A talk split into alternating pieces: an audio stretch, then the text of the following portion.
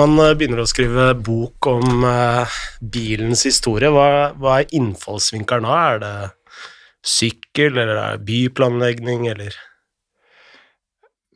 Det er uh, å se på hvordan bilen har dominert samfunnsutviklingen i Norge de siste 100 år.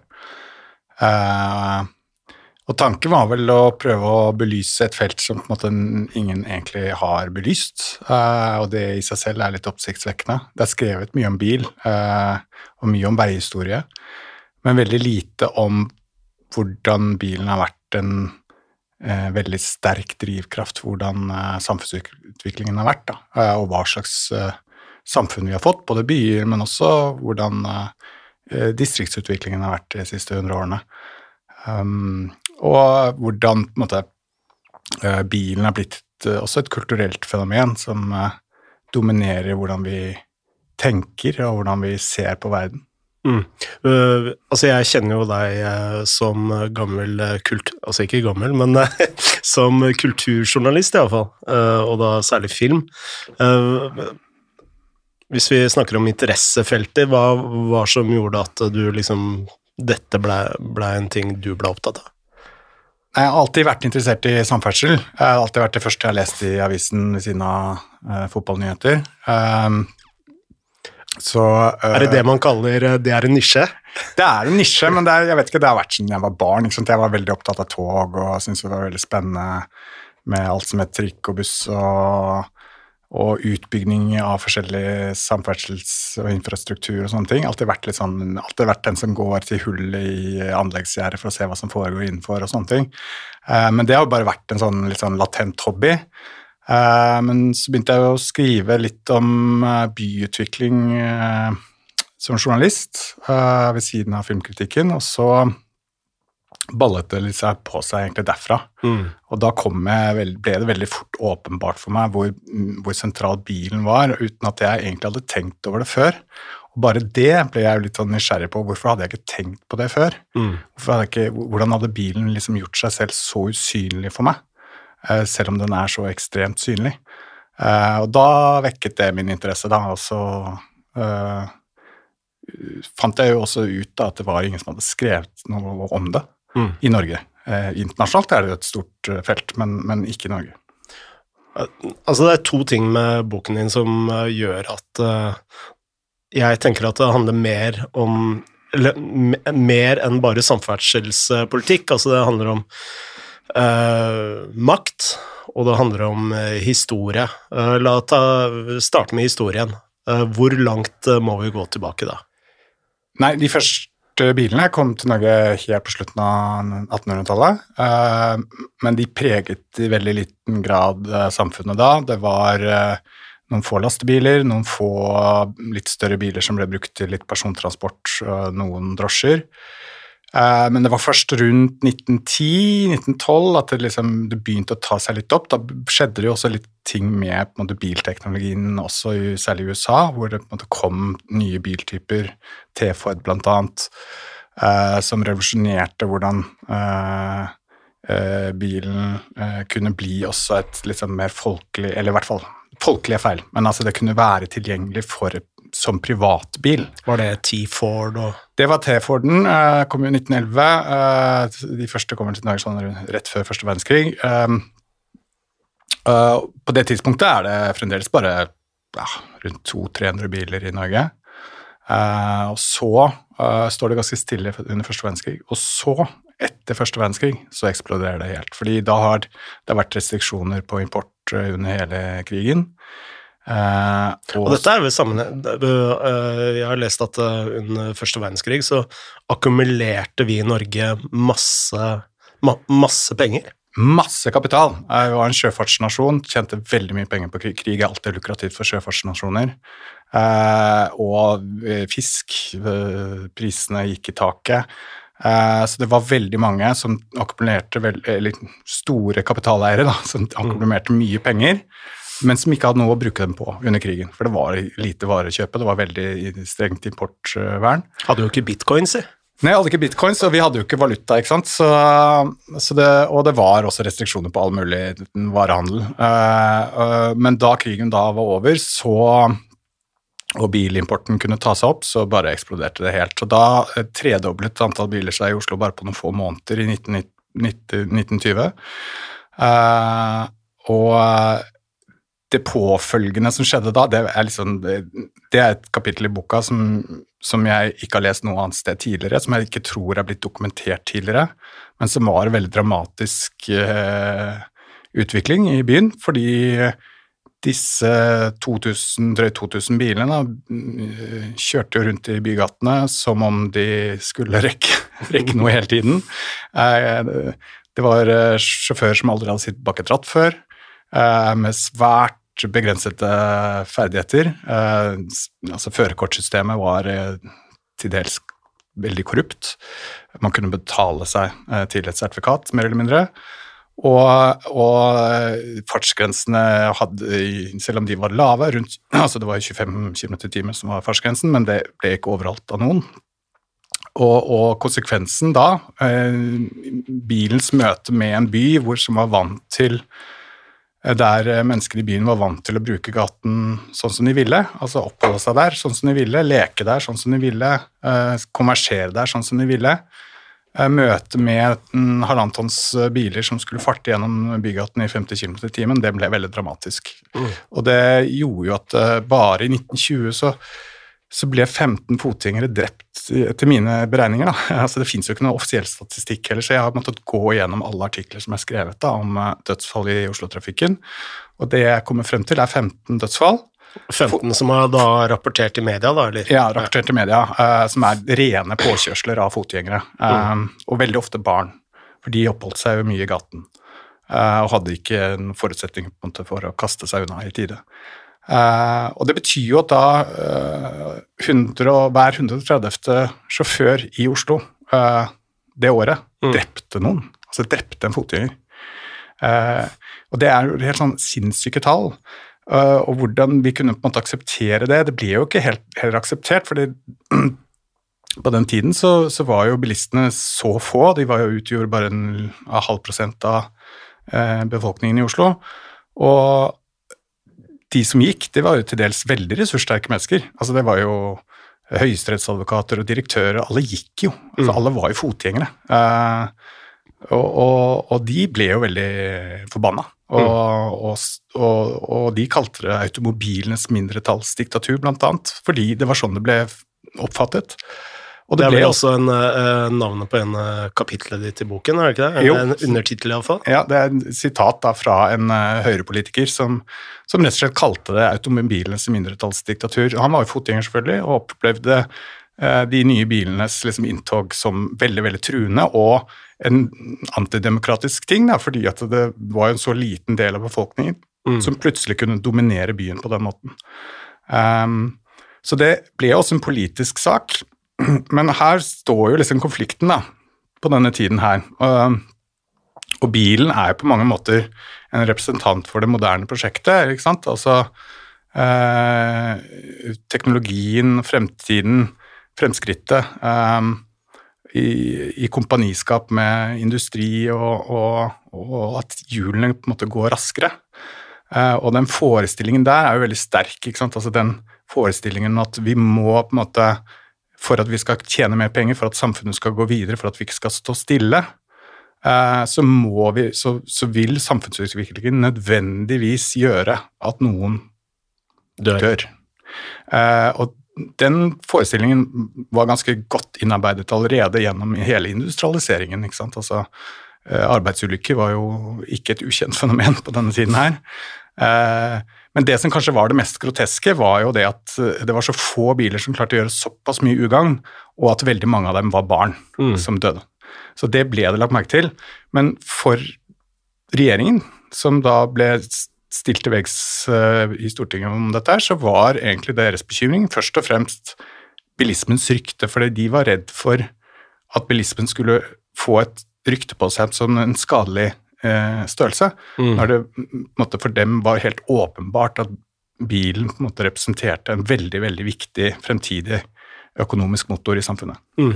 Altså Du skre, skriver senere om Statens vegvesen og om hvor mektige de er i, i, i byplanleggingen. Var de allerede på plass? Eller bilistene, da, klarte de å organisere seg allerede på den tiden der? Med tanke på at du siterer noen som kaller det automobilenes diktatur? De var veldig raske med å organisere seg, var, og de har alltid vært ekstremt dyktige til det. og Det har vært en av de store suksessfaktorene for bilen eh, i de fleste land, men særlig i Norge, eh, har vært eh, at de har vært så gode til å organisere seg. Kongelig norsk automobilklubb ble stiftet i 1907. Da, så de fikk med kongen, da? Ja, det fikk de med i 1913, men og, og, mange tror jo at uh, Altså det at det står kongelig i, i, logoen ikke er en stor ting, men på den tida der så var jo det noe helt enormt. Det var veldig, veldig viktig, ekstremt viktig politisk eh, å ha med kongen, eh, for de ga eh, et, måte, et, godkjent stempel til bilen, som da fremdeles var litt sånn eh, eh, altså Det var jo på en måte noe sånn nyrikt over bilen, det var noe litt suspekt. Uh, de gamle pengene likte ikke nødvendigvis bilen så godt. Det var gjerne litt sånn unge folk, ingeniører, uh, unge direktører. Gjerne sånn direktørsønner, liksom arvinger av store formuer. Uh, som likte bilsport, likte å drive med mm. liksom, og syntes at alt nytt var spennende.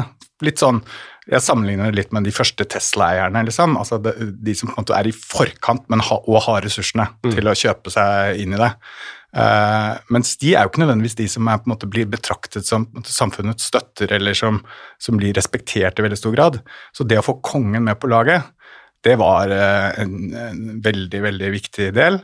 Og der ble det lobbyert kraftig. Det var venner av kongen som uh, var medlem av KNA. Uh, og flere godseiere, bl.a. Uh, tidlig med i, i i etableringen av Kongelig norsk automobilklubb, og de eh, overtalte han da eh, til å bli med. Og han var også eh, kong Haakon, da, mm. var også veldig bilinteressert. Eh, ble hekta på bil.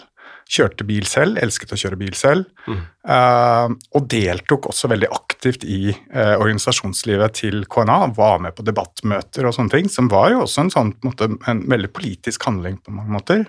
Og han sa også rett ut at han uh, så det som sin oppgave å sørge for at bilismen ikke kom i vanry, som han mm. kalte det. At han ville på en måte at folket skulle akseptere bilen. Mm. Eh, fordi han sa, så jo, som alle andre, at det var mye skepsis. Når begynte bilene å bli med å forme byene i Norge sånn, sånn vi ser det? Og, og øh, før du svarer på det spørsmålet her, altså hvor viktig er bilen i Norge kontra andre europeiske land? Eh, bilen er veldig viktig i Norge kontra nesten alle europeiske land. Eh, min påstand er at Norge ligner mye mer på USA eh, enn andre europeiske land mm. Eh, når det kommer til hvordan bilen har påvirket særlig byene våre. Grunnen til det er at bilen kom til Norge i en tid hvor byene i veldig liten grad var etablerte som, som store størrelser. Uh, urbaniseringen hadde ikke foregått så veldig lenge. Vi hadde ikke en sterk urban kultur ennå. Oslo et mulig unntak, og Bergen, uh, Trondheim. Men, uh, men, selv de byene var små, mm. med små bykjerner. og også en lite Ja, med få mennesker som bodde der, rett og slett. Ehm, så når bilen kom, så kom bilen også samtidig med på en måte en dreining innenfor hvordan vi så på byen. Eh, eh, moderne byplanlegging, sånn som vi kjenner det i dag, ble etablert sånn ca. samtidig som bilen kom, på begynnelsen av 1900-tallet.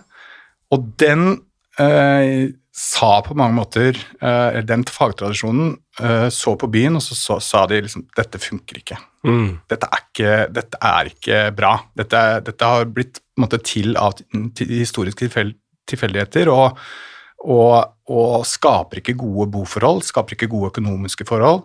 Eh, det skaper bare trengsel, støv, lort, skitt. Den klassiske byen, sånn som vi har begynt å bli veldig glad i den nå, da, de siste 20-30 årene, den ble sett på som eh, ja, eh, om ikke helvete på jord, så i hvert fall ikke et veldig egnet sted å verken ha barn eller eh, leve og ha gode liv. Og det handlet jo om at eh, industrien lå også midt i sentrum. Eh, veiene var eh, til dels veldig støvete, og det var kloakk i, mm. i, fri dressur mange steder. Eh, det var ikke særlig mye innlagt vann. Eh, mange av bygårdene eh, var veldig nedslitte og, og, preget av forfall. Jeg husker jo når jeg flytta til byen, så var det jo fortsatt bygårder hvor det bare var en, et toalett i gangen, f.eks. Så da måtte alle leilighetene i den bygården, dette var på Grünerløkka, da, så måtte alle ned til det, den ene toaletten. Ja, og det fantes fremdeles bygårder eh, på Grünerløkka helt frem til eh, midten av 80-tallet som hadde utedo i bakgården, rett og slett. Ja. Altså, så, eh, og det var jo helt vanlig før krigen, på en måte. og, og og så, så i, i, en sånn sammenheng så fremsto ikke byen så veldig attraktiv. Det var liksom ikke puben på hjørnet, den koselige økologiske Så det har vært en sånn diger klasseendring også da, i, i ja, byen? Ja, de som ville ut, det var jo de som hadde muligheten til det, da, ikke sant. Mm. Uh, og de som flyttet først ut av byen, det var jo selvfølgelig de aller rikeste. Og de flyttet først uh, da jernbanelinjene kom, uh, midten av, fra midten av 1800-tallet og fremover. Så sant, Du kan se det langs Drammensbanen og Østfoldbanen, så ligger det jo sånne store sveitservillaer liksom, ikke så veldig tett, da, fordi de kunne jo bo ganske langt fra hverandre. Eh, men, men der, der, var det de fineste familiene som flyttet, da. Um, og, og, kunne ta, og så ble det gjerne bygget en liten sånn stasjon til, nesten til ære for hvert av de husene, sånn at de kunne komme seg til kontoret. Uh, men, uh, men utover 1900-tallet så så så man jo at det, ja, det jernbanen kan fungere, men det gir jo ikke nok Det, det er enda mer marked for å få folk til å flytte ut av byen. Og da ble disse forstadsbanene i Oslo bygget eh, vestover, da, og, mm. og, også Østensjøbanen østover. Eh, og, de ble, og det er også sånn som vi glemmer i dag det er jo at de ble bygget uh, utelukkende av privatinteresser. Uh, altså var, uh, de ble bygget som tomtespekulasjon. Fordi tomtene utenfor sentrum var jo rimelige, men de var utilgjengelige. fordi folk hadde jo ikke bil. Og hvordan skulle komme seg inn til byen? de kunne gå, selvfølgelig, men ikke så veldig attraktivt å gå 50 minutter. Du får ikke solgt tomter for noen særlig pris hvis du er avhengig av å gå 50 minutter, men hvis det går en forstadsbane dit, og du kan komme deg til byen på 20 minutter, så blir det plutselig annerledes. Og det var jo det som var forretningsmodellen. De kjøpte, altså var utviklere som kjøpte store tomter, fikk regulert inn en forstadsbane, solgte tomtene til en langt høyere pris, mange, mange doblet, og så brukte de pengene til å bygge denne Forstadsbanen. Og så kunne Forstadsbanen i seg selv også betale seg, seg eh, mm. gjennom billettinntekter, som jo også i dag fremstår som en merkelig ting, men det handlet jo om at vi var villige til å betale mye mer for transport på den tiden. Så man brukte mye mer av inntekten på transport fordi det var en så lukrativ vare. Mm. I dag tenker vi ikke på transport som spesielt lukrativ vare. Det er noe som å drikke vann eller som å kjøre bil. Ja, 30 kroner for en T-banebillett er jo ramaskrik. Ja, øh, men da, hvis man skulle liksom sammenlignes med dag, datidens måte, kjøpekraft, da, så ville det antageligvis koste det tredobbelte. antageligvis. Mm. Uh, så uh, det var en helt annen uh, betalingsvilje som gjorde det altså da økonomisk holdbart å, å drive uh, forstadslinjer på uh, forretningsmessig grunnlag, som det het. Uh, så alle de vestlige banene ble bygget på den måten, og også Østensjøbanen i mellomkrigstiden. Og i den tanken der så var det jo da at byen på en måte mistet sin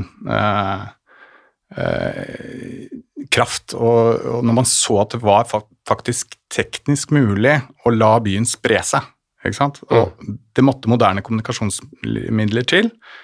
Først skinner, og så begynte vei og bil og buss å komme på, fra ca. 1920 og fremover. Eh, og når vei og bil og buss på en måte viste, ble en mulighet, så, så, tok det helt av. For da, da, var man ikke avhengig av å legge liksom, skinner, som er dyrt å legge, eh, og litt mindre fleksibelt. Eh, vei kunne gå hvor som helst, var mye veier allerede. Eh, biler og busser på en måte økte uh, arealtilkomsten uh, for byen på en helt dramatisk måte. Så mens mennesket fikk mindre plass, og biler fikk mer plass? På en måte sånn kort forklart, eller? Nei, eh, egentlig så ble det vel opplevd sånn at mennesker fikk mye mer plass. fordi plutselig kunne byen strekke seg utover i mange mil. Mm. og dermed så var jo tomter ledige som man kunne bygge hus på. Istedenfor å bygge leiegårder, så kunne man bygge hus. Eh, og selv for en ikke så altfor velstående middelklasse kunne man faktisk få seg liksom et hus på Røa. Mm. Eh, og det var en ny ting. Og den trenden fortsatte eh, også etter krigen. Men da i en litt sånn annen eh, tankegang, fordi eh, etter krigen så ble bolig sett på i, i, mindre grad som et forretnings... Altså en privatøkonomisk ting, til en mer et sosialt gode. Og et politisk mål? Og et politisk mål, for man hadde en boligmangel. Og særlig da i Oslo, som, hvor boligmangelen var veldig prekær, eh, så ble boligpolitikken sånn et offentlig anliggende. Eh, og og dermed så bygde man byen utover Man slo sammen med Aker kommune, Oslo, i 1948, og kunne da ta i bruk store arealer, særlig Groruddalen. Eh, og da fikk vi denne strukturen med drabantbyer, og, som er koblet sammen til sentrum med en forstadsbane. Men den forstadsbanen ble ikke bygget ut av utviklere. Den ble bygget ut av kommunen, eh, som var en sånn total endring i logikken for uh, fortsatsutviklingen. Uh, og, og, og, tanken der var jo at man skulle få råd til å bo bra, mm. og likevel kunne reise inn til byen uten at man måtte betale, finansiere denne transporten eh, selv etter sånne forretningsmessige prinsipper. Og, og, det var en sånn endring av logikken, men uansett så er liksom premisset det samme om at bykjernen er et sted du ikke helst vil bo. Mm. Eh, du kan jobbe der, handle der, kanskje gå på kino og sånne ting, men bo, det skal du helst gjøre liksom, i nærheten av naturen, vekk fra sentrumslarm. Mm. Den forestillingen er på en måte litt sånn selvforsterkende òg. For hvis alle flytter ut til forstaden ut fra en logikk om at sentrum ikke er et levende sted, så lenge folk bruker skinner, så funker det ganske greit, men med en gang bilen begynner å bli dominerende, som den gjør utover 1950-tallet og særlig etter 1960, så får man et problem. Fordi eh, bilen er så attraktiv eh, som transportmiddel, særlig i begynnelsen, når det ikke er så mange av dem, eh, at eh, det, får, det, ødelegger på en måte hele balansen i transportsystemet. Eh, når veldig mange biler vil inn til sentrum, så blir det et salig kaos, fordi det arealmessig ikke går opp. Det er mm. ikke mulig å få alle disse bilene inn i sentrum. Og dermed så blir det jo enda verre å bo i sentrum for de få som, eller de stakkars som ble igjen, og det var jo de aller mest ressurssvake som ble igjen da, stort sett. Altså gamle mennesker eh, eh, og fattige familier som ikke hadde liksom trukket gulloddet hos Obos. Eh, Uh, og de satt jo der med all den nye trafikken som kom inn i sentrum, og ødela bymiljøet totalt. Og, mm. bare, og, og, også bare forsterket denne prosessen som het liksom desentralisering av byen. Og den samme var, var, dette mye av det samme i Bergen og Trondheim og, og Stavanger f.eks. også? Ja, men bare mye sterkere. Eh, fordi eh, Oslo hadde da tross alt disse skinnegående transportmidlene, mm. Eh, og bygget jo de også etter krigen. Mens i Bergen og Trondheim og Stavanger så droppet man skinner. Fordi de opplevde det for å være for dyrt og ikke fremtidsrettet. Det var ikke, Man så på skinner som noe gammeldags, mm. mens bilen fremstod, og bussen fremsto som, som mye mer eh, ja, eh, på, for Fremtidspartiet det var liksom Hvorfor skulle man ha skinner når man hadde vei? Og man hadde gummihjul, på en måte. Det var en mye bedre oppfinnelse. Og da bilen eller da eh, Bergen, og Stavanger og Trondheim begynte virkelig å vokse utover 50-tallet, så eh, eh, droppet man skinner, og så eh, satses man i mye større grad på en veibasert byspredning. Eh, og det er jo det vi ser egentlig i som er på en måte Oslo er på en måte en, en, en veldig annerledes by enn alle andre norske byer. Og det er mye på grunn av Oslo bevarte en veldig, ganske stor bykjerne, og kunne bevare en ganske stor bykjerne, eh, fordi de hadde en skinnebasert eh, byutvikling. Mens eh, Bergen, Trondheim og Stavanger, som hadde en ganske liten bykjerne i, utgangspunktet, og når den møtte bilens liksom, byspredning, veibasert, så så bare este byen utover i alle kanter, og det ble en veldig veldig liten bykjerne relativt sett i forhold til resten av byen. Så, så da endte man opp i en situasjon hvor bykjernene uh, ga mer plass til bilene og mindre plass til menneskene?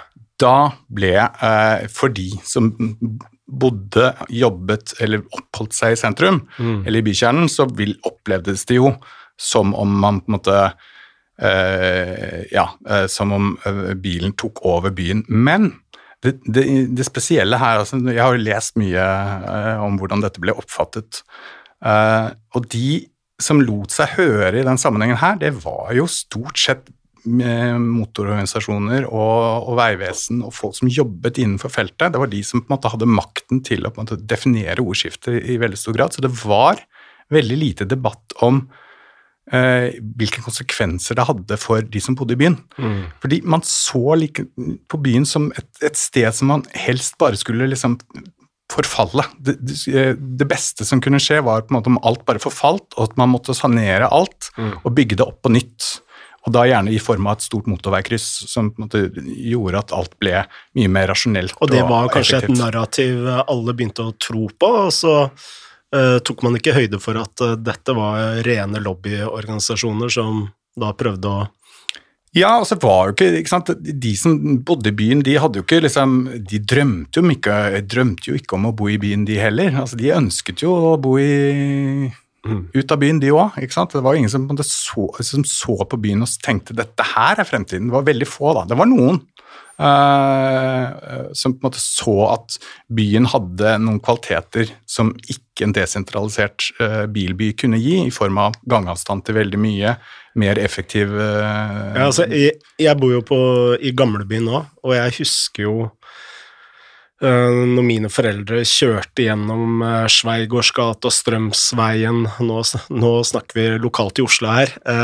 Men alle de bygningene var jo fullstendig nedsnødd av eh, eksos og støv og, og, og, jeg husker jeg bare tenkte stakkars de folka som bor her nå, og nå er vel alle som bor i de by, bydelene eh, eiendomsmillionærer omtrent? Ja, eller de som bodde der da, de leide nok. Så ja. det er også et fenomen som måte vi har glemt. Uh, og det er at vi, i dag så, så er jo på en måte selveier uh, den uh, mest sånn vanlige Eierformen? Eier, eller boformen. veldig få relativt sett som leier i Norge, og også i byene. Og det er jo veldig annerledes fra andre land. men vi skal ikke mer enn 30 år tilbake i tid før det var helt ikke-eksisterende i Norges byer. Altså, ja, for dette ble oppheva på slutten av 70-tallet en gang? Ja, eh, og ble, i praksis så ble det et fenomen som tok seg veldig opp uh, i jappetiden på midten av 80-tallet. Mm. Og så kom jo den store krakket på slutten av 80-tallet, men som fra 91, 92, 93 så, så, ble på en måte den selveiermodellen vi kjenner i dag, virkelig liksom etablert som et sånt Og man så liksom Uh, og, det, og, det, sammenfalt jo også med det som vi kaller for, for byenes renessanse og hele gentrifiseringen av sentrumsområdet, eller bykjernen. Ah, så da begynte folk å, å, flytte fra distriktene og ville inn til sentrum? Da flyttet man fra forstaden og inn til sentrum fordi man kunne plutselig eie noe eh, i byen. Mm. Som var helt umulig tidligere hvis du ikke var en gårdeier. Da. Det var, sånn det, var, det var store familier som hadde kanskje to-tre bygårder som skapte inntekt til hele familien. Sånn var det strukturert i veldig stor grad. Men så ble liksom eh, alle disse bygårdene seksjonert i selveierleiligheter, og som ble eh, kjøpt da av eh, folk som ville bo. Og de som kjøpte da, de kunne få det ganske billig.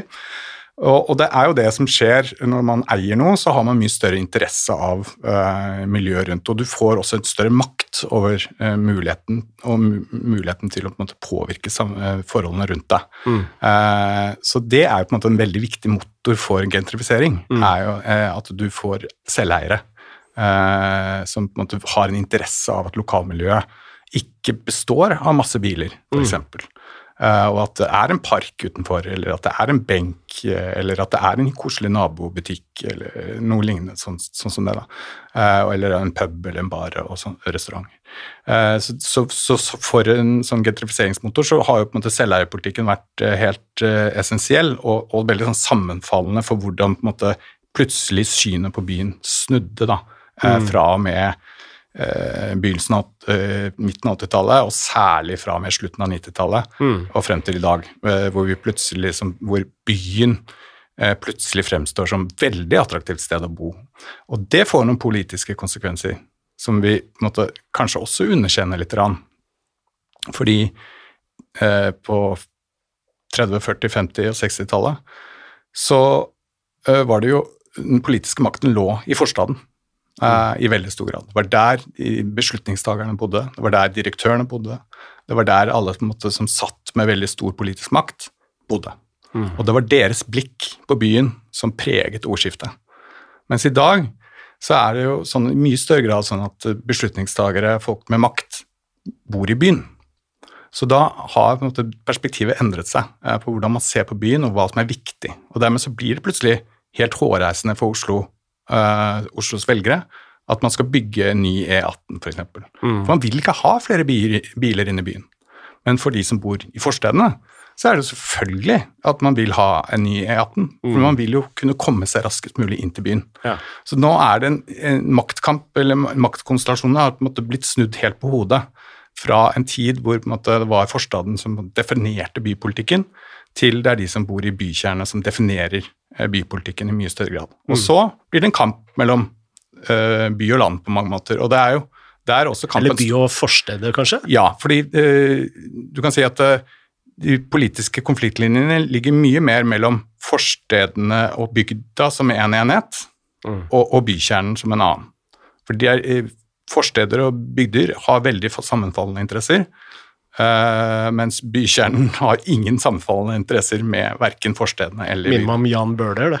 Ja. Det er derfor Senterpartiet kan gjøre det bra i Groruddalen. Ja.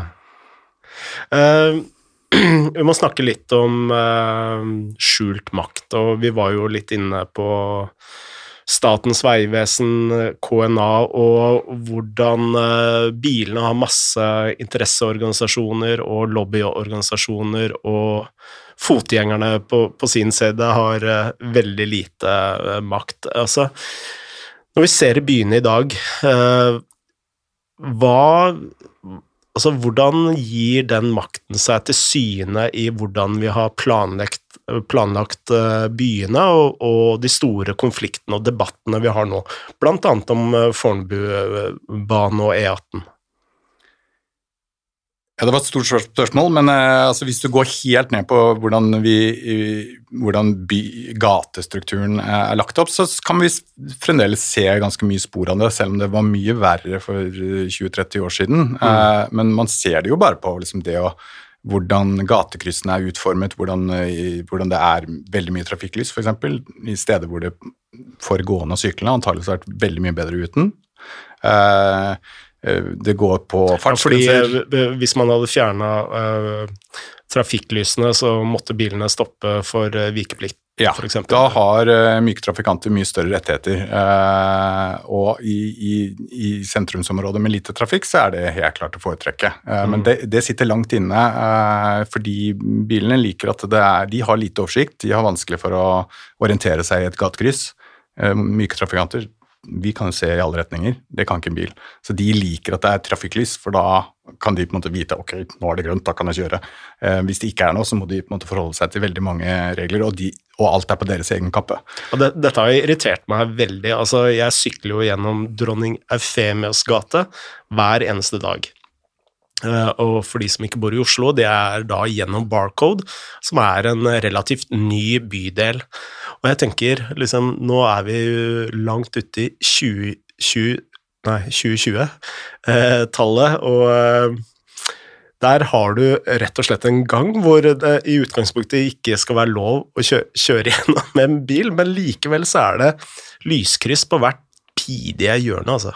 Ja, og det er det er en type byplanlegging som, som henger igjen eh, fra, helt fra egentlig 60-tallet, eh, tenker jeg. Eh, det er en måte å tenke på eh, trafikk i by som, som, hvor trafikkflyten eh, og bilens fremkommelighet eh, kommer veldig høyt på prioriteringslisten. Mm. Og så er de gående og syklende Eh, de, de, de, får på en måte De tar det nedfallsfrukten, da. Og det har på en måte alltid vært tankegangen, fordi eh, Og der kommer vi tilbake litt til eh, det som var på en måte utgangspunktet for spørsmålet ditt i forhold til politisk makt og, og, hvem som på en måte styrer. Eh, bilen har jo hatt den store for, eh, forsen at eh, de er det klart dyreste, eh, den klart dyreste forbruksvaren vi har. Mm. Eh, I hvert fall som er måte, allment omsettelig. Det fins båter som, eller, som, kan regnes som forbruksvarer, men ikke i samme måte, målestokk som bilen. Og det gjør at bilen har Eh, tiltrekker seg veldig mye kapital rundt seg. Eh, og at bilens interesseorganisasjoner har veldig mye kapital rundt seg.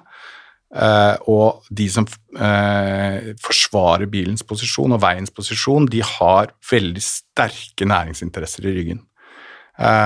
Mens de som skal forsvare myke trafikanter i en by, de har ingenting. Ikke et det fins ikke en skoprodusent som er villig til å måte, legge noen penger inn i fotgjengernes interesser. Mm. Uh, mens oljeinteresser, bilinteresser, veiinteresser det er 10 av eh, BNP i Norge er vei- og bilrelatert, og det er et land hvor, som ikke har bilindustri engang. Mm. Så det viser bare hvor, hvor, hvor viktig det er, da.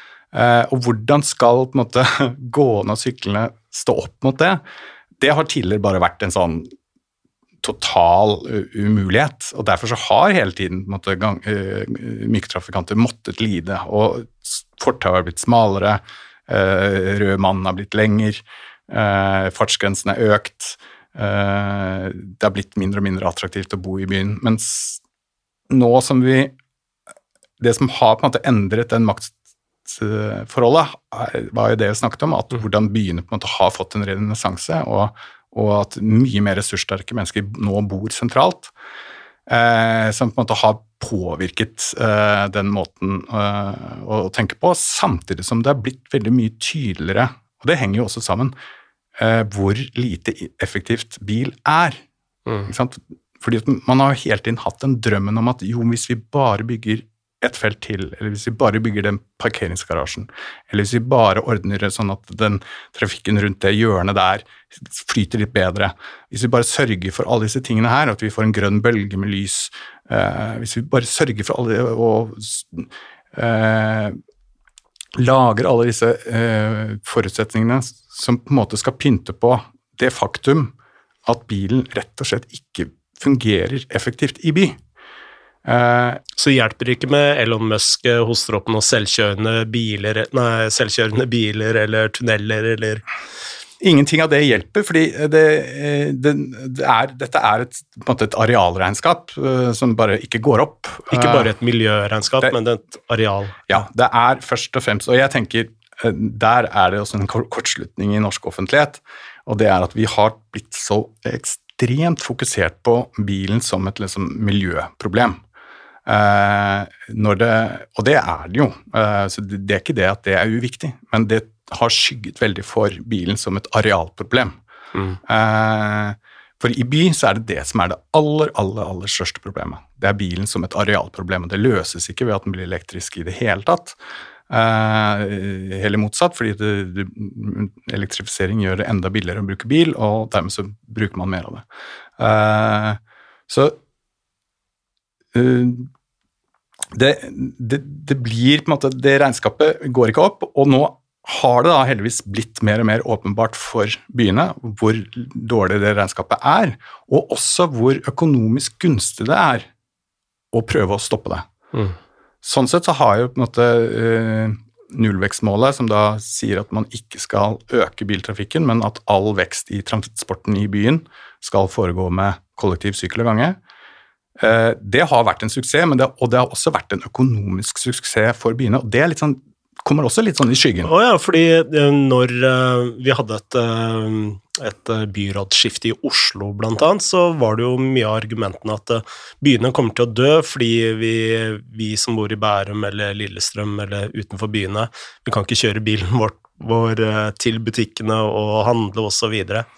Ja, og det har vært et sånt sentralt argument for, for, eh, for å på en måte opprettholde eh, biltrafikken inn til byen. At, eh, for, at, for, at, den økonomiske virksomheten skal være gunstig for byen, så må på en måte omlandet ha muligheten til å komme inn i byen med bil. Den tankegangen står for fall. Mm. Fordi byene ser at nei, det er ikke det vi tjener penger på. Det er virkelig ikke det vi tjener penger på, og kostnaden ved å opprettholde så mye biltrafikk inn i byen, er mye større. Så, og det er et sånt mentalt skifte som, som er på plass, eh, og som kan underbygges av, av, regnestykker. Det er ikke noe vanskelig å regne seg frem til at bil i by er ekstremt dyrt mm. og ikke betaler seg. Man kunne selvfølgelig løst det, eh, og det er det mange transportøkonomer som på en måte ser for seg, at ja, den dagen man er faktisk villig til å betale det det egentlig koster, så vil det på mange måter løse seg av seg selv. Uh, fordi Hvis man regner på det, så, så koster det, altså det å kjøre bil i by det koster mye mer per kilometer enn det man er, er villig til å betale i dag gjennom bomringer og bensinavgifter. Uh, så hvis, det, hvis, man skulle liksom betalt det det egentlig kostet, så ville det vært antageligvis tre ganger så dyrt å kjøre bil i Oslo. Mm. Og de pengene kommer jo fra et eller annet sted. Det er jo vi som på en måte betaler det. Eh, gjennom skatter, gjennom eh, at lungene våre blir ødelagt. Eh, mm. Eller at barna våre ikke kan gå fritt eh, rundt. Eh, alt det er en kostnad. Eller at mm. veldig mye av bygningsmassen i Oslo f.eks. er til dels ulevelig fordi de ligger eh, tett opp til en veldig trafikkert vei. Det her, alt det her er kostnader. Mm. og i et sånt perspektiv så er det på en måte en utgift til en sykkelvei det er liksom det er en dråpe i havet, egentlig. Uh, og det er også liksom altså, Mange tenker jo på at liksom, grunnen til at vi har plutselig at sykkel er blitt så populært, det er fordi at vi har et mentalt skifte, folk har blitt mye mer miljøinteressert og alle sånne ting. Nei, det er ikke det det handler om. Det handler rett og slett om at politikerne ser hvor økonomisk gunstig det er. Det er kjempeøkonomisk gunstig for en by å få opp sykkelandelene. Det er bare, for det er gratis nesten infrastruktur relativt sett, og det er så ekstremt arealeffektivt. Mm. Og det har ingen negative konsekvenser ekstern, eksternt, bortsett fra kanskje noen sykkelulykker innimellom, og som, som, er bagatellmessig i forhold til alle de andre plagene som bil får påfører byen. Ja, jeg fikk jo meg en el... Eller kona mi kjøpte en elsykkel eh, for syv-åtte år siden, uh, som jeg stjal. Og den har jo bare endra livet mitt.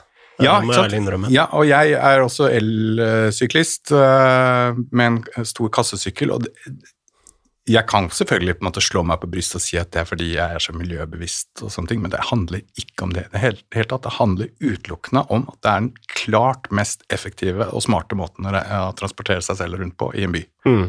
By far. Ja, absolutt. Jeg bare husker med gru eh, tilbake når jeg måtte ned på bussen to sure unger inn på bussen opp til barnehagen, og så bussen ned til sentrum for å jobbe, og så bussen hjem igjen. Og nei, det var et slit uten like. Ja, og det er, og det er men det er det sitter så hardt i det greiene der. altså det der, Og selv jeg, jeg ga jo ikke slipp på bilen før for to år siden, eller noe sånt, og, det, og jeg hadde bil ganske lenge hvor jeg, på en måte, hvor jeg knapt brukte den. Men det føltes litt sånn ah, Må jo ha en bil. Må jo ha en bil, ikke sant. Det føles litt sånn Å, ja, men det er så upraktisk hvis jeg Men nå er det Ja, det er snart tre år siden, tror jeg, jeg ble kvitt den, og det har også bare vært en sånn åh, Mm. det, er, det er sånn eh, det er sjelefred å ikke eie bil. Og, og, og nå fungerer delebilordningen delebilordninger i Oslo såpass bra at eh, det er helt meningsløst å eie bil i Oslo i dag. Altså, det er jo veldig mange store transportpolitiske debatter som foregår eh, akkurat nå, og Fornebubanen er jo eh, blant de største, eh, og du hadde jo Bybanen i Bergen. Eh, og sikkert eh, mange flere jeg ikke nevner. Og når vi snakker om den usynlige makten og sånn, så hadde du en tweet eh, som jeg syns var veldig både morsom og interessant om et, et par utspill Arbeiderpartiet hadde dager før de skulle avgjøre om de skulle støtte Fornebubanen eller ikke. Eh, kan du eh, kan du kort forklare hva, hva hele debatten dreier seg om, og hva konfliktlinjene egentlig handler om, og hvem er som egentlig drar i tråden her? Ja, det er et veldig komplekst felt, uh, og det gjør jo også at det, måte, det fremstår som uh, og, ofte blir alt veldig forenklet i mediene. Det, det, fremstilles jo som om dette handler bare om pris, uh, og på mange måter så gjør det jo det. Det er jo det som måte gjør, politiske, gjør det politisk så vanskelig. At når prisen går opp, så, og noen skal betale for det, så, så fremstår det veldig så blir det mer og mer en politisk rød klut. da. Men, For nå er det jo enorm inflasjon, og alt stiger og Ja, og så er det, det, som er med skinner, er at uh, det å bygge skinner, uh, det er alltid veldig dyrt. Uh, fordi du må i veldig stor grad, i hvert fall med fortsattbane, så må du utelukkende ha Du må ha en du må ha prioritert vei. Altså, du, må, du, må, lage en trasé som ikke krysses av noen andre. Og I en by er det komplisert, og i en by så involverer det stort sett at du må bygge tunnel. Og tunnel er det dyreste du gjør. Eh, særlig i Oslo, med en grunn som er delvis av skifer og delvis av, av leire. Eh, det er veldig langt ned til grunnfjellet, på en måte. Eh, mm. Og når du, når du så I og med at kostnaden er så dyr, så, så, er det selvfølgelig Og du må betale, og investeringen er så stor i utgangspunktet, så, så fremstår det politisk veldig vanskelig. Men hvis, mens vei er relativt sett mye billigere, delvis også fordi at vi har fått til disse bomløsningene som gjør at den stat, offentlige investeringen er ganske lav, fordi at det er bilistene selv som betaler det på mange måter. Da. Uh, og dermed så fremstår vei som veldig sånn attraktivt og mye enklere politisk å, å få til. Uh, mens for, liksom, de langsiktige konsekvensene av skinner uh, er enormt gode og veldig inntjenende. Men det er så langt frem i tid at det politisk er vanskelig. Mens for vei så er kostnadene, de langsiktige kostnadene ved vei er veldig store. Mm. Uh, men det er så langt frem i tid at måte, Og det er også liksom lite målbart, for det handler om sånne eksterne ulemper som vi var inne på, altså som går på støy, det går på støv, det går på dårlige boforhold, det går på dårlig arealeffektivitet, uh, som er på en måte Du kan ikke putte det inn i et regneark som måte viser hvordan dette er lønnsomt eller ikke. Det er i hvert fall vanskelig sånn politisk å, å mm. kommunisere, da. Og dermed så, så får skinner eh, alltid en liksom fremstår alltid som måtte, politisk mye vanskeligere å argumentere for. Eh, du argumenterer gjerne i to, tre, fire års perspektiv til frem til neste valg eller et eller annet i den duren der. Eh, mens med skinner så bør du tenke 50 år frem i tid for at det virkelig skal lønne seg. Tenk på de østlige T-banene, som ble bygget i 19, sto ferdig i 1966. 50 år siden. Det er de som går da opp mot Hamar Nei, østlige T-banene. Altså Ja, T-banene? ja. ja. Okay. Tenk på de. Eh, en enorm kostnad for Oslo den gangen. 500 millioner betalte kommunen for det, eh, som da var helt sånn sinnssykt beløp. Mm. Eh, I dag er det det som måte, gjør denne byen levelig. så man, i et sånt langsiktig perspektiv så, så, angrer man aldri på en investering i skinner, mens E18 kunne vi gjerne vært foruten, ikke sant. Mm. Uh, så det, det, ligger under der som uh, en viktig del av prosessen. Så uh, jeg pleier å si at um, hvis du bygger en vei, en motorvei, hvis du baserer på en måte transporten i en by på motorvei, så, så vil du helst ikke ha en kompakt by. Da, da, da, fungerer ikke en kompakt by. Da vil du prøve å dra byen utover så mye som mulig, spre byutviklingen mest mulig, for å skape litt mer balanse i transportsystemet, sånn at ikke alt bare går inn mot sentrum, for det, det funker ikke med bil.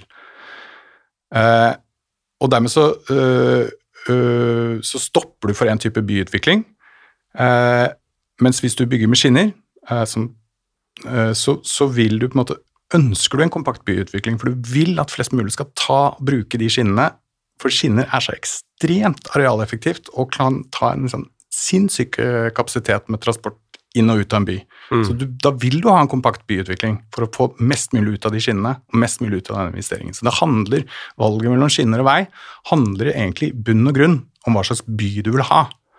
Eh, for du kan på en måte ikke få en kompakt byutvikling, en levelig by, med eh, å si at nei, men vi, vi, har ikke råd til skinner. Eh, så da så, Da sier man også samtidig at nei, da, da, har vi egentlig ikke råd til en kompakt by. Mm. Og det kan man jo gjøre. og Da får vi jo et samfunn som ligner litt mer på USA. Da, eh, mer, altså, da får man sånne byer. Og jeg tror egentlig ikke at eh, det er veldig få som drar liksom, på på å være turist liksom i Columbus, Ohio, mm. eh, som er en sånn veldig klassisk amerikansk uh, midtvestenby, som er hvor det ikke fins nærmest en bykjerne, men alt bare foregår i som et eneste stort Alnabru. Eh, det, det, er ikke en attraktiv by, da. Det er liksom ikke et kult sted å være, men det er veldig, fungerer fint for bil. da. Mm. Og for Fornebubanen så er det jo tre hvert fall tre aktører som skal bli enige om noe. Altså, du har staten, du har Bærum kommune og Oslo, eller Viken kommune heter det vel nå.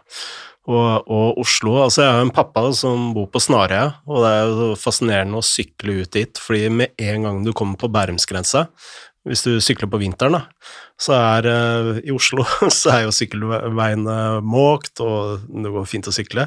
Og så kommer du til Bærum, og da er det full is. Da må du bare trille resten av veien.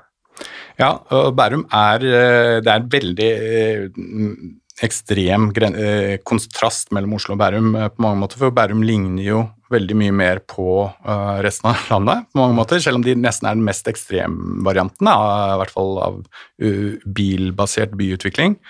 og de ligger da vegg i vegg med den minst bilbaserte byutviklingen i Norge, så de, det er jo veldig sånn kontraster der. og, og Eh, og så har det jo også selvfølgelig med at, eh, som jeg var inne på i sted, at har du, er du, du Har du forstadsblikket på mange måter, så, så vil du jo helst ha eh, eh, best mulig vei eh, inn til byen. Eh, nå er jo Bærum veldig interessert i denne forstadsbanen, og det er jo også fordi at de ser at selv for en Bærumspolitiker så er det helt åpenbart at vi kan ikke liksom uh, få til eh, Fornebu sånn som vi vil ha det, eh, basert på bil. Det går bare ikke. Eh, og så, så er det da å vurdere hvem som skal ta mest mulig av kostnadene. Men det er helt åpenbart at at Bærum har veldig mye å vinne på Fornebubanen. Så er det så litt mer spørsmål om uh, hva Oslo har å vinne på det. Uh, mm. Det er et politisk liksom, en vanskelig ting å forklare for, uh, for, velgere i Oslo øst at det å bygge en T-bane til, til, fancy Fornebu er liksom veldig god bruk av deres penger. men men eh, sånn rent transportteknisk så er det ikke så vanskelig å forklare det. Men, men du, det forutsetter på en måte at du, du, går med på noen sånne tanker om eh, hvordan bilen ikke fungerer, mm. og, og, hvordan skinnegående transport alltid er et gode for byen. Hvis du hadde vært eh, samferdselsminister eh, de neste årene, hva, hvilke grep er det du hadde tatt? Og det er så mange. altså, først og fremst gi oss en topp tre, da. Eh, Ja, jeg tenker at eh, en sånn helt åpenbar ting som egentlig ikke er så veldig stor eh, politisk kostnad, og i hvert fall ikke er en økonomisk kostnad, det er å bare få ned fartsgrensene i by. Mm. Først som sist. Altså, det er fremdeles 50-grense som standard fartsgrense i, i tettbygde strøk i Norge, og det er en helt vanvittig fartsgrense. 50 det er den grensen hvor du Det er der grensen går for om en bil treffer deg, så dør du, eller Mm. ikke. Mm. Og det at vi liksom tenker at det er en passe hastighet for biler å kjøre rundt i tettbygde områder, det, det er helt absurd i dag at vi fremdeles driver på med det.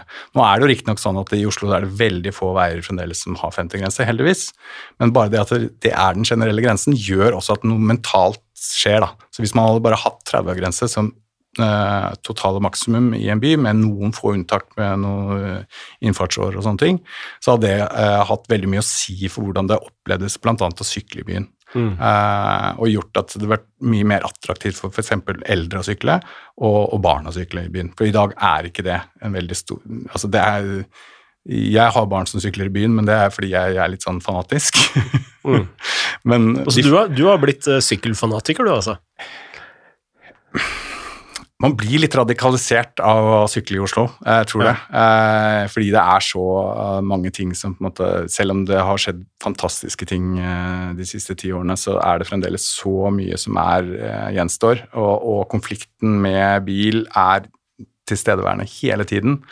Eh, fordi det er en mental ting, da. ikke sant? Man forholder seg til Altså, det er jo mange dødsfall fortsatt. Og det er i mange hvert fall i. Oslo. Det er mange dødsfall fortsatt, og det, og det er eh, mange bilister i Oslo som, som har en, et agg mot syklister, som, er, som bruker bilen mer eller mindre som våpen. Eh, ikke nødvendigvis Men mer sånn trusselen, da. Ikke, sant? ikke det at de utfører det, men, altså, men trusselen er jo nok til å på en måte skape ganske ugne situasjoner. Og tuting og Tuting, ja. eh, pressing, eh, ja. Eh, og rask og sneiing, forbikjøringer, eh, sånne ting som på en måte kanskje ikke er farlig, men er veldig, veldig ubehagelig. Eh, og hvis man har med barn, så er det jo helt forferdelig. Um, nå mistet jeg ja, ja, altså det, det, er, det er jo også en gryende konflikt mellom syklister og gående.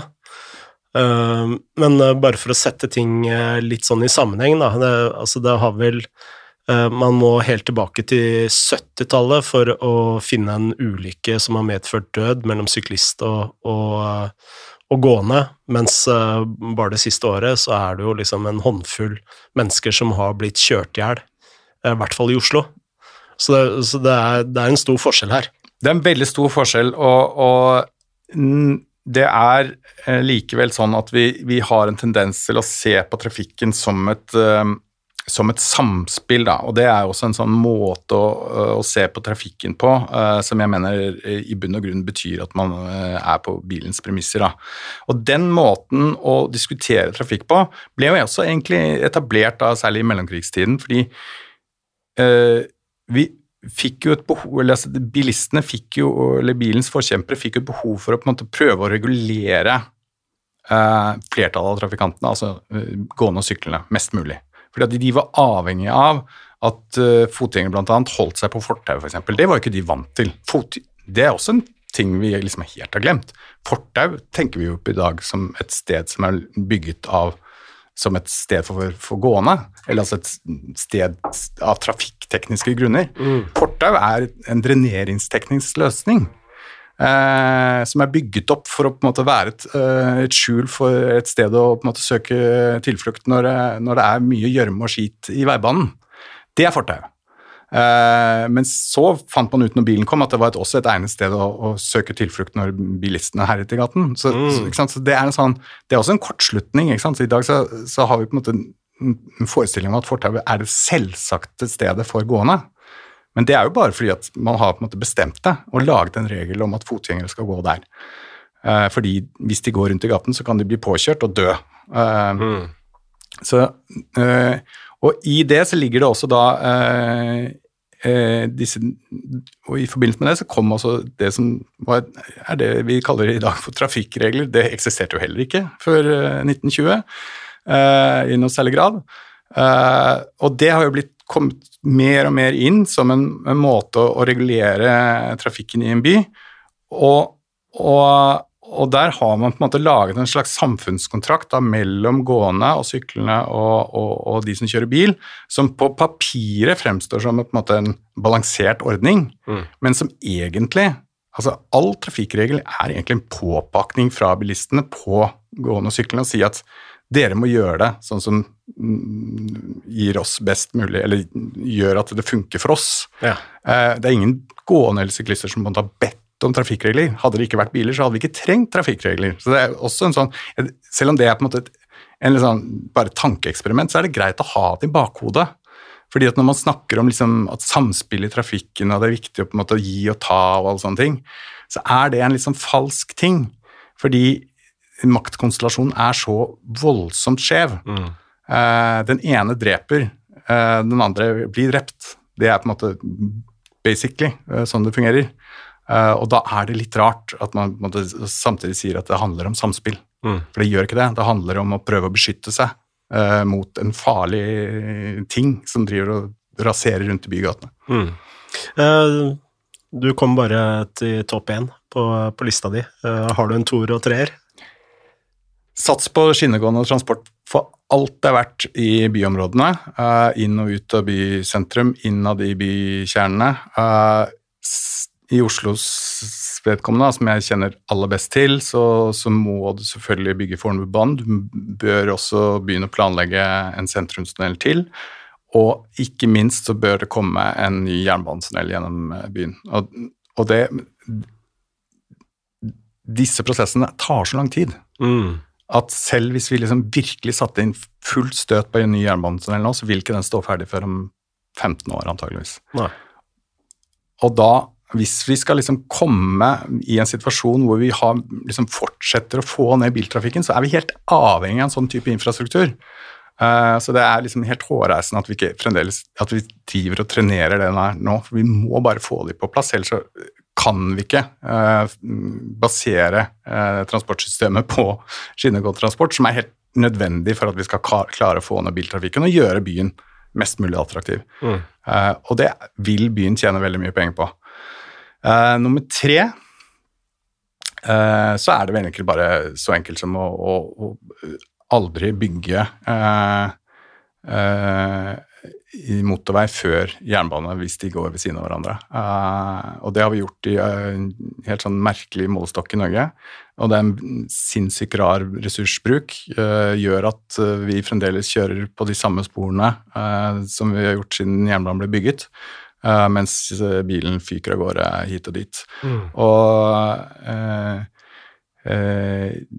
ja, igjen, skinner er dyrt, men uh, hvis man prioriterer skinner, uh, og i mindre grad bruker penger på vei, så blir det i hvert fall uh, gjennomførbart å satse mm. på det. Og det vil gjøre trafikken mye tryggere, og det vil gjøre det mye bedre og mer bekvem for folk. Herregud, det er mye bedre å ta tog enn å sitte og kjøre en bil lange avstander. Og, og vil også få ned flytrafikken, selvfølgelig. Hadde jeg vært uh, samferdselsminister, så hadde jeg bedt politiet håndheve trafikkreglene i, i byen. Altså, det er vel seks-syv år siden uh, jeg så en bil Altså, i Oslo så er det jo masse bommer, og de bommene er, jo for at uh, bilene ikke skal kjøre gjennom.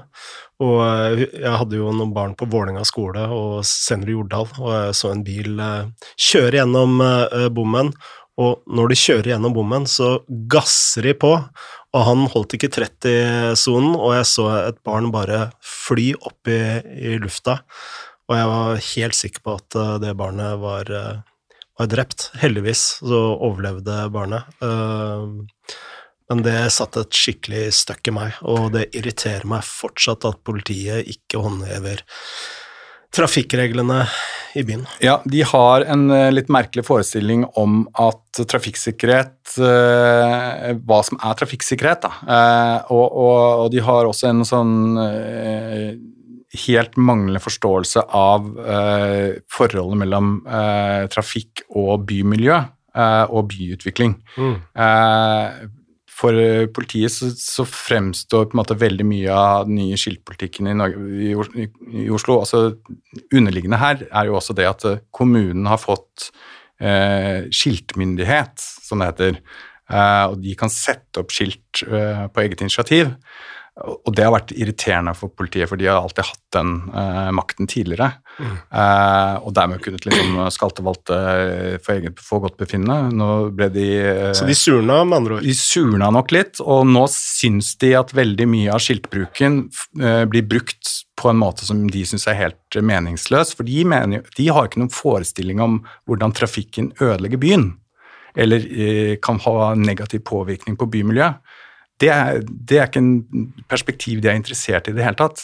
De er interessert i om, øh, om, det øker risikoen for høy fart, og dermed at bilen kjører inn i en vegg og eh, bilisten dør, eller, eller øh, lignende scenarioer som er på en måte sånn landeveisproblematikk. Det er en sånn type mm. trafikksikkerhetslogikk som en, øh, politiet forholder seg til. Mens hvordan måte bilen i seg selv kan true byen det er et perspektiv de absolutt ikke forstår. Og dermed så har de ingen forståelse av hvorfor kommunen på en måte stenger en vei, setter opp en bom, eh, har innkjøring forbudt, eller f.eks. Også, eh, også sier unntak for sykkel. Det er også sånn de kan ikke forstå det. Mm. Hvorfor skal det være forskjellig med regler for syklister og bilister? Det, det vil de på en måte ikke akseptere som et sånn premiss. Mm. så det er et demokratisk stort problem. Eh, jeg vet ikke helt løsningen på det, fordi eh, ja, man kunne på en måte hatt eh, Jeg foreslo vel på Twitter i dag at man kunne hatt et eget kurs på Politihøgskolen som dreide seg nettopp om forholdet mellom trafikk og bymiljø. For jeg tror ikke den kunnskapen blir gitt på noe som helst måte til politiet. Jeg vet ikke om det ville hatt noen særlig effekt. Kom, altså, vi har en historisk parallell på 50-tallet så ble parkering 50- og 60-tallet så ble parkering i by et gedigent problem. Fordi folk bare parkerte hvor som helst. Det var ingen håndhevelse. Og det var jo politiet som skulle gjøre denne håndhevelsen. Og de prioriterte det ikke, for de hadde nok av andre ting de skulle ta seg av. Og det å liksom bøtelegge en bil som sto feil parkert, med mindre det var noe helt sånn at den sto foran noe sånn, en utrykningsvei eller noe som gjorde at liv sto i fare, eller noe lignende, så, så, så opprettholdt de ikke det. Og det skjønte jo bilistene, så de parkerte hvor som helst. Så det er, hvis du ser liksom på bilder fra sentrum på den tiden der, altså biler står overalt. Mm. Eh, fordi det var ingen eh, reprimande. Eh, så begynte man å liksom regulere det mer og mer. Uh, man prøvde litt med parkometeret og sånn ut på uh, slutten av 50-tallet, begynnelsen av 60-tallet, uh, som be bedret det litt og regulerte og lagde noen sånne rammer. Men det, det skled ut igjen, fordi, nettopp fordi det igjen så var det ikke noe håndhevelse fra politiets side. Det var ikke en prioritert oppgave. Det løste seg først da kommunen selv fikk hjemmel til å ha egne bybetjenter, som det heter, da, parkeringsbetjenter, på 70-tallet. Som da hadde sin eneste rolle, eller viktigste rolle, å sørge for at folk sto riktig parkert. Da endret det seg. Så det måtte noe sånt til. Mm. Eh, så det kan jo hende at man må gjøre noe sånt nå òg. At man mm. må ha eh, At man må delegere til noen andre enn politiet, fordi politiet ikke har liksom interesse av å drive med eh, byutvikling. Da. Sånn avslutningsvis, vi er litt på overtid her. Du er jo filmanmelder. Uh, har du noe favoritt-sykkelfilm?